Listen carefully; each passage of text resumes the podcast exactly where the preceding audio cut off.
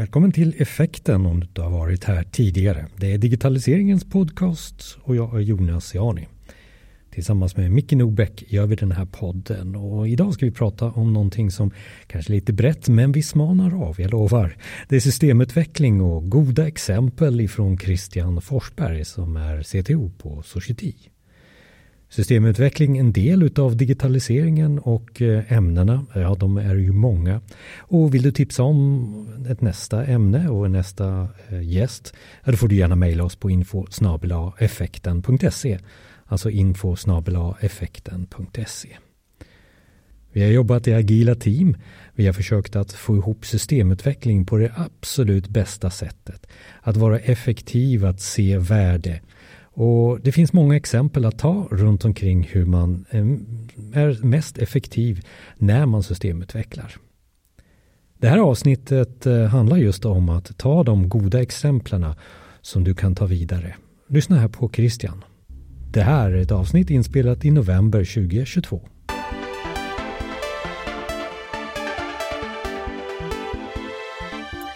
Podden mer intresserad av systemutveckling. Återigen ett väldigt brett ämne så vi får väl zooma ner lite. Och välkommen till podden Christian. Tack! Och Chris, det här med systemutveckling, vad, vad, är det för dig? Och vi börjar där någonstans. Jättestor fråga. Ja, just det. Nej, men för mig, alltså, det har ju varit en stor del av livet. Liksom. Alltså, jag började när jag var 12. Och sen dess har jag kodat typ varenda dag i 45 år nu. Då. Så att, eh, det har varit en väldigt stor del av livet. Och jag tycker ju att kodning är extremt kul fortfarande. Eh, jag tycker att det är eh, nästan som en konstart. Liksom. Alltså jag tycker att det är eh, liksom, jag tycker att det är någonting som blir vackert. Liksom. Man skapar någonting med kod. Liksom. Eh, och så tycker jag att det är väldigt kreativt. Det är liksom ett verktyg där man kan göra väldigt, väldigt mycket. Liksom. Alltså alla olika skrå vi har liksom, inom IT och AI och alla de här. Alltså, allting är ju i botten systemutveckling. Sen måste jag säga det runt namnet då. Jag, jag säger ju inte system. Alltså, det blir ju sådär när folk frågar vad jobbar du med och sådär så försöker man säga programmera eller så så att folk förstår. Men när, när jag pratar om det och kanske med mina kollegor och sådär då säger jag bara koda. Liksom. Att man kodar. Programmerare, programutvecklare, systemutvecklare, software developer. Eh, vi pratar om systemutveckling och, och vi ska väl försöka att bena ut det lite också.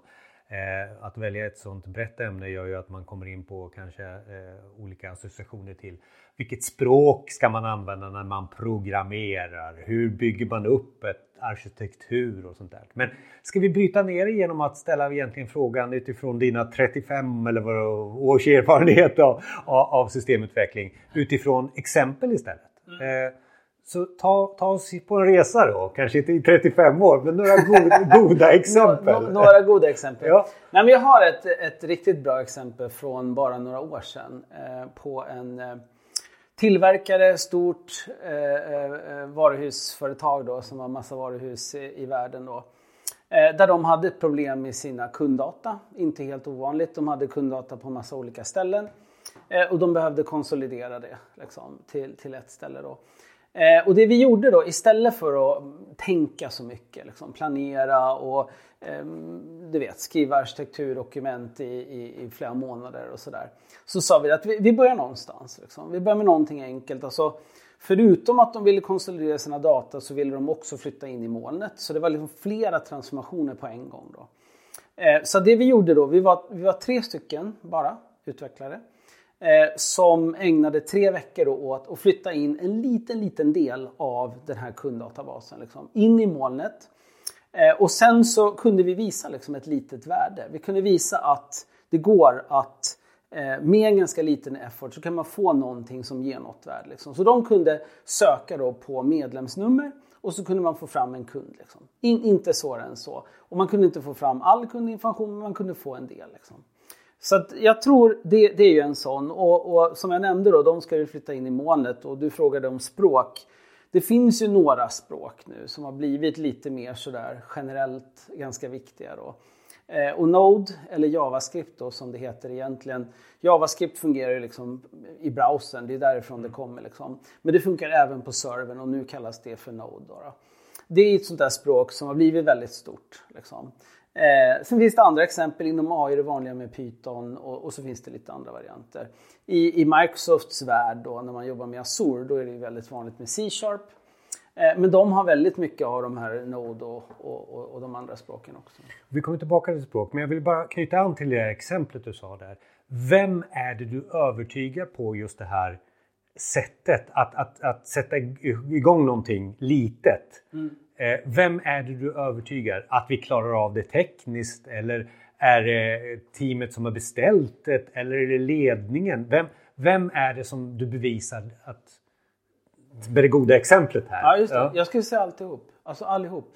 Det, det är både liksom de vi kallar för liksom business stakeholders, alltså människorna på affärssidan som har ett behov. Liksom. Och det är därför vi vill bevisa ett visst värde. Vi vill att genom att göra en liten insats så de får se att oj, det här funkar faktiskt liksom, så snabbt. Och, och, ibland så blir de ju lite lurade sådär att oj, men det här kommer ju att gå blixtsnabbt alltihop. Men, men alltså då får man säga det att det är en liten del vi har byggt och det är väldigt mycket kvar. Liksom så. Men det är också som du säger, bevisa för teamet då, kanske på kundens sida då, på IT-avdelningen och så vidare, visa dem att bara för att vi liksom gör någonting snabbt så behöver det inte bli dåligt. Utan det kan bli någonting som hänger ihop och som kan skala, man kan bygga vidare på. Och sen var du inne på språk, men alltså man kan ju inte också känna att de, de, de flesta språken får man välja själv sådär utifrån, ja, ja men det verkar det som... Utan man får ju välja språket där kunden har eller vår organisation har.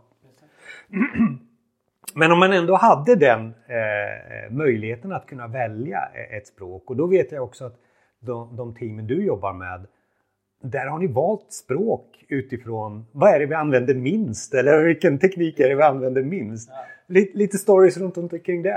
Just det. Nej, men vi har ju, vi har ju ett, ett litet man säga, innovationsgäng då, eh, som, som springer lite före liksom, de, de, andra då, och ofta ger sig på nya grejer. Så.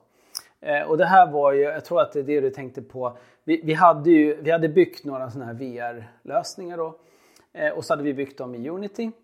Eh, och så, så kom det då en ny kund och de hade inga specifika egentligen åsikter om vad vi skulle bygga i. Eh, och, och det här teamet är så kul då, tycker jag. Att de så här, ja men vi kan Unity nu. Så att, ska vi inte köra Unreal Engine istället som är en annan sån där stor plattform då?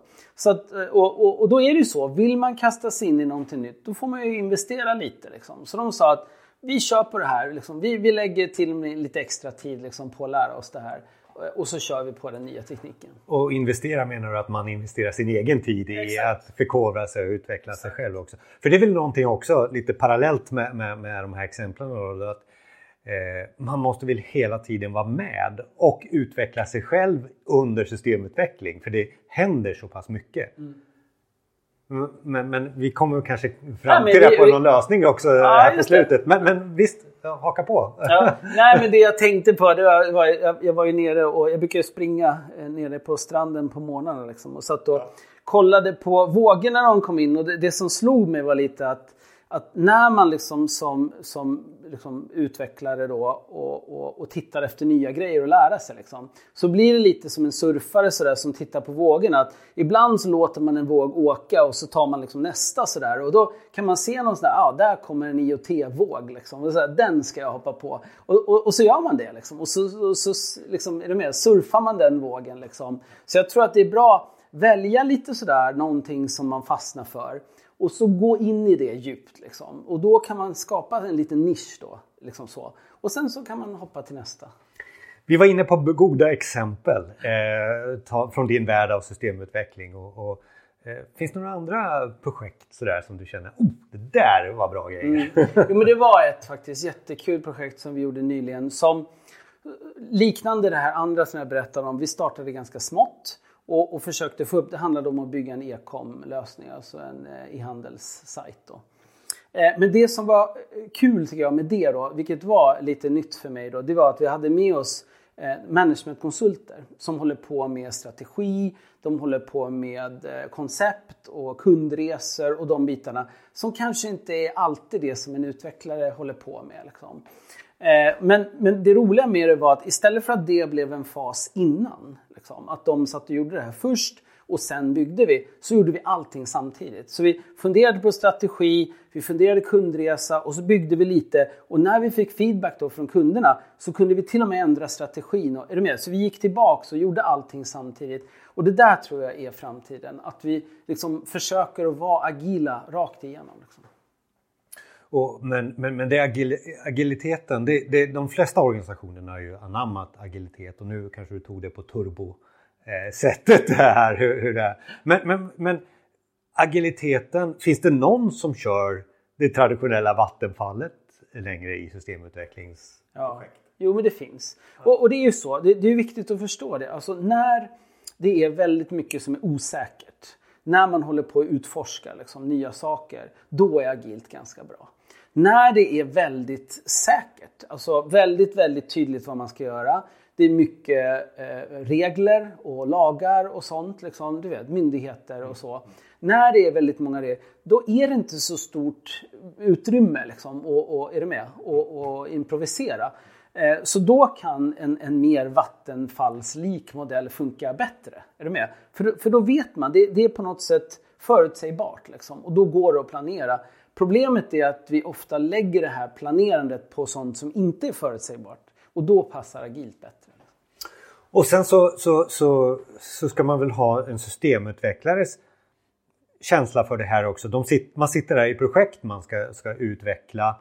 Man, har kanske, man är ny som systemutvecklare, man har lärt sig. Du nämnde lite utav dem. Jag tror att Python och Java är väl på de här topplistorna nu till exempel. Eh, Eh, man kan det där och sen så sätter man sig i ett agilt team. Ja, nu är jag här, nu ska jag koda. Eh, min uppfattning är att det inte är alltid så och du och jag jobbar ju med traineer till exempel. Just det. Eh, det är väldigt, väldigt mycket mänsklig kommunikation också i Absolut. de här exemplen. Mm. Så vi måste, allting handlar inte om teknik eller framgångsrika projekt utan det är vilka människor som finns i dem också. Ja, och hur de jobbar och hur de funkar. Liksom. Så att allt som man säger, det vi har lärt oss runt ledarskap och hur man jobbar i team och sådär.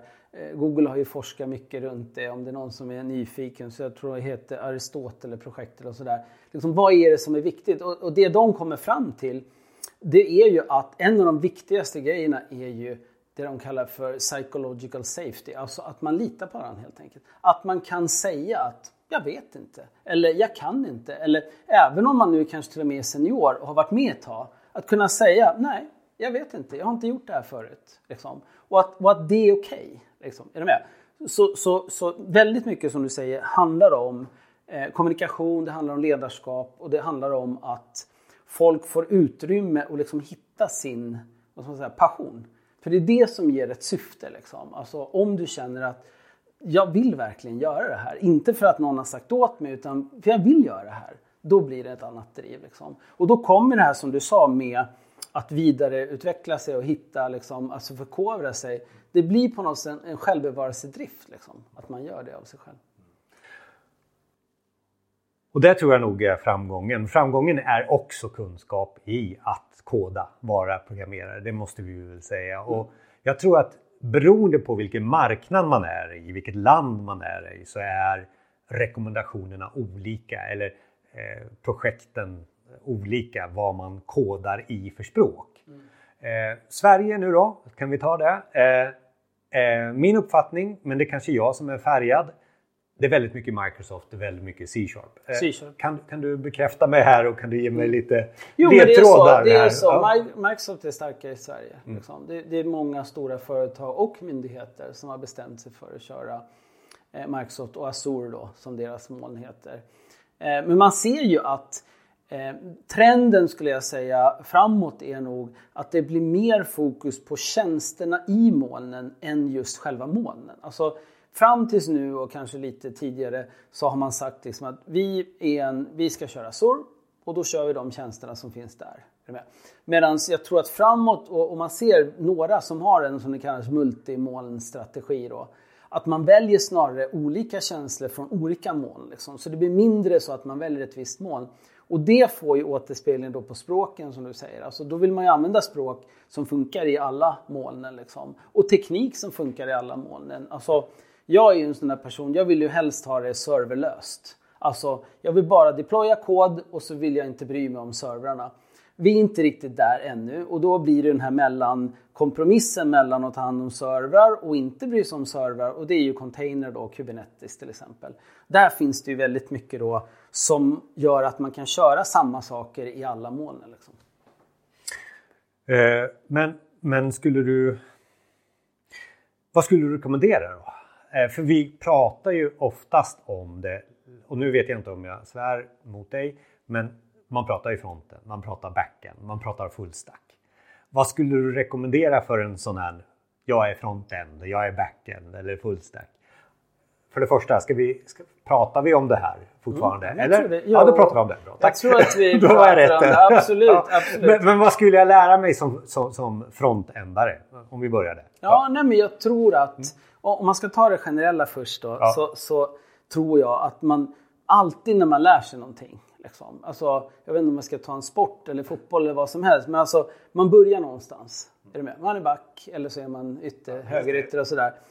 Eh, målet tror jag, för många i alla fall, är att kunna vara allround. Liksom. Det är ju en fullstackutveckling. Då kan jag spela var som helst. Jag kan till och med ställa mig i målet. Är det med? Så, så fullstackutvecklare är det väldigt många som kommer till när man har hållit på ett tag. Att man, man kan både bara backen och fronten. Men sen så är det vissa som vill dyka ner. Är du med? Alltså, det är några som vill bli bara frontändare. De vill bara vara där, eh, tänka UX, UI och, och liksom vara väldigt nära användarna. Andra tycker det är skönt att få vara i fred på backen. jo men sådär, sitta ja. lite bakom, bygga API då och, och lite integration med system och sådär. Så, jag tycker definitivt att alla tre är okej. Okay, liksom. men, men jag tror att Eh, vill man vara väldigt värdefull liksom, i ett sånt här korsfunktionellt team, är man fullstack så är man ju mer värdefull. Så är det ju. Liksom. Men, men, eh, men ja, typ så. Skulle man plocka ner för, för uh, språk uh, och moln här?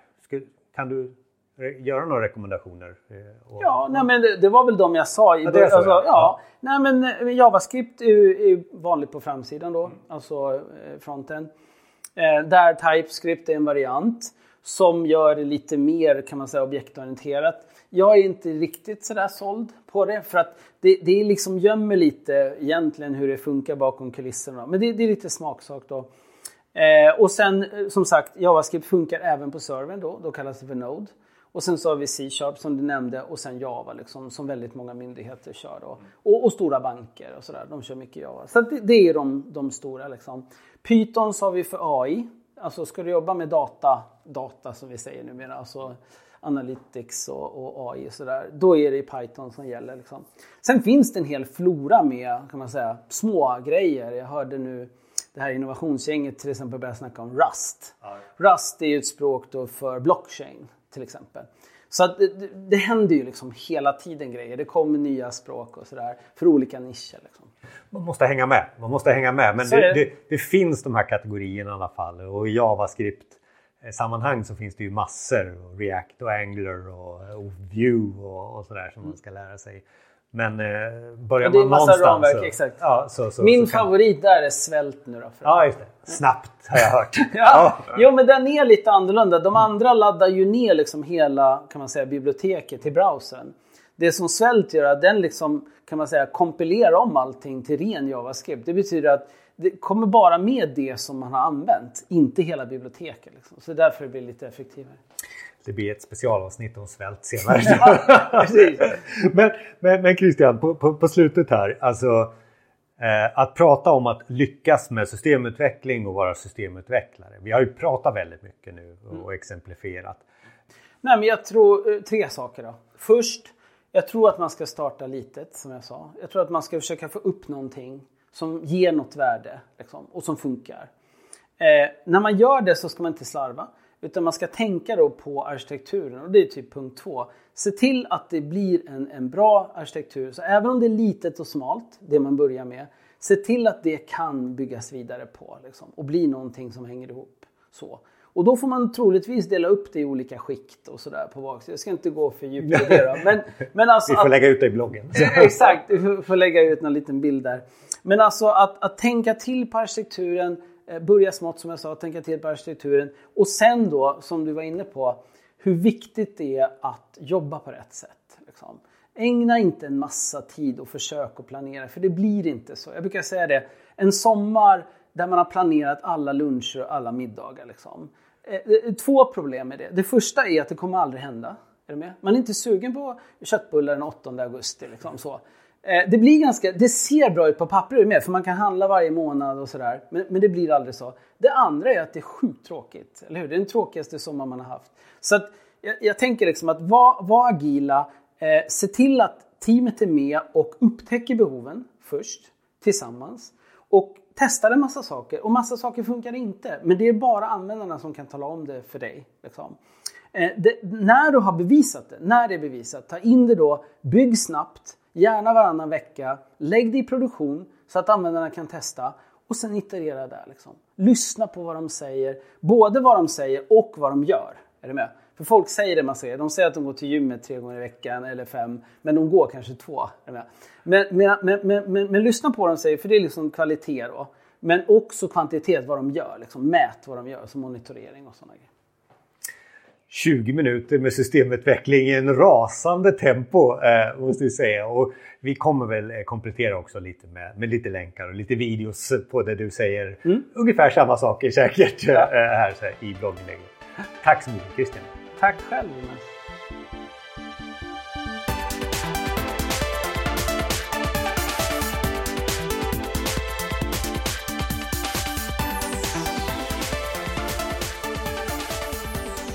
Tack för att du lyssnade till Effekten. Starta en prenumeration om du inte redan har gjort det. Antingen till exempel på Apple Podcast eller Spotify.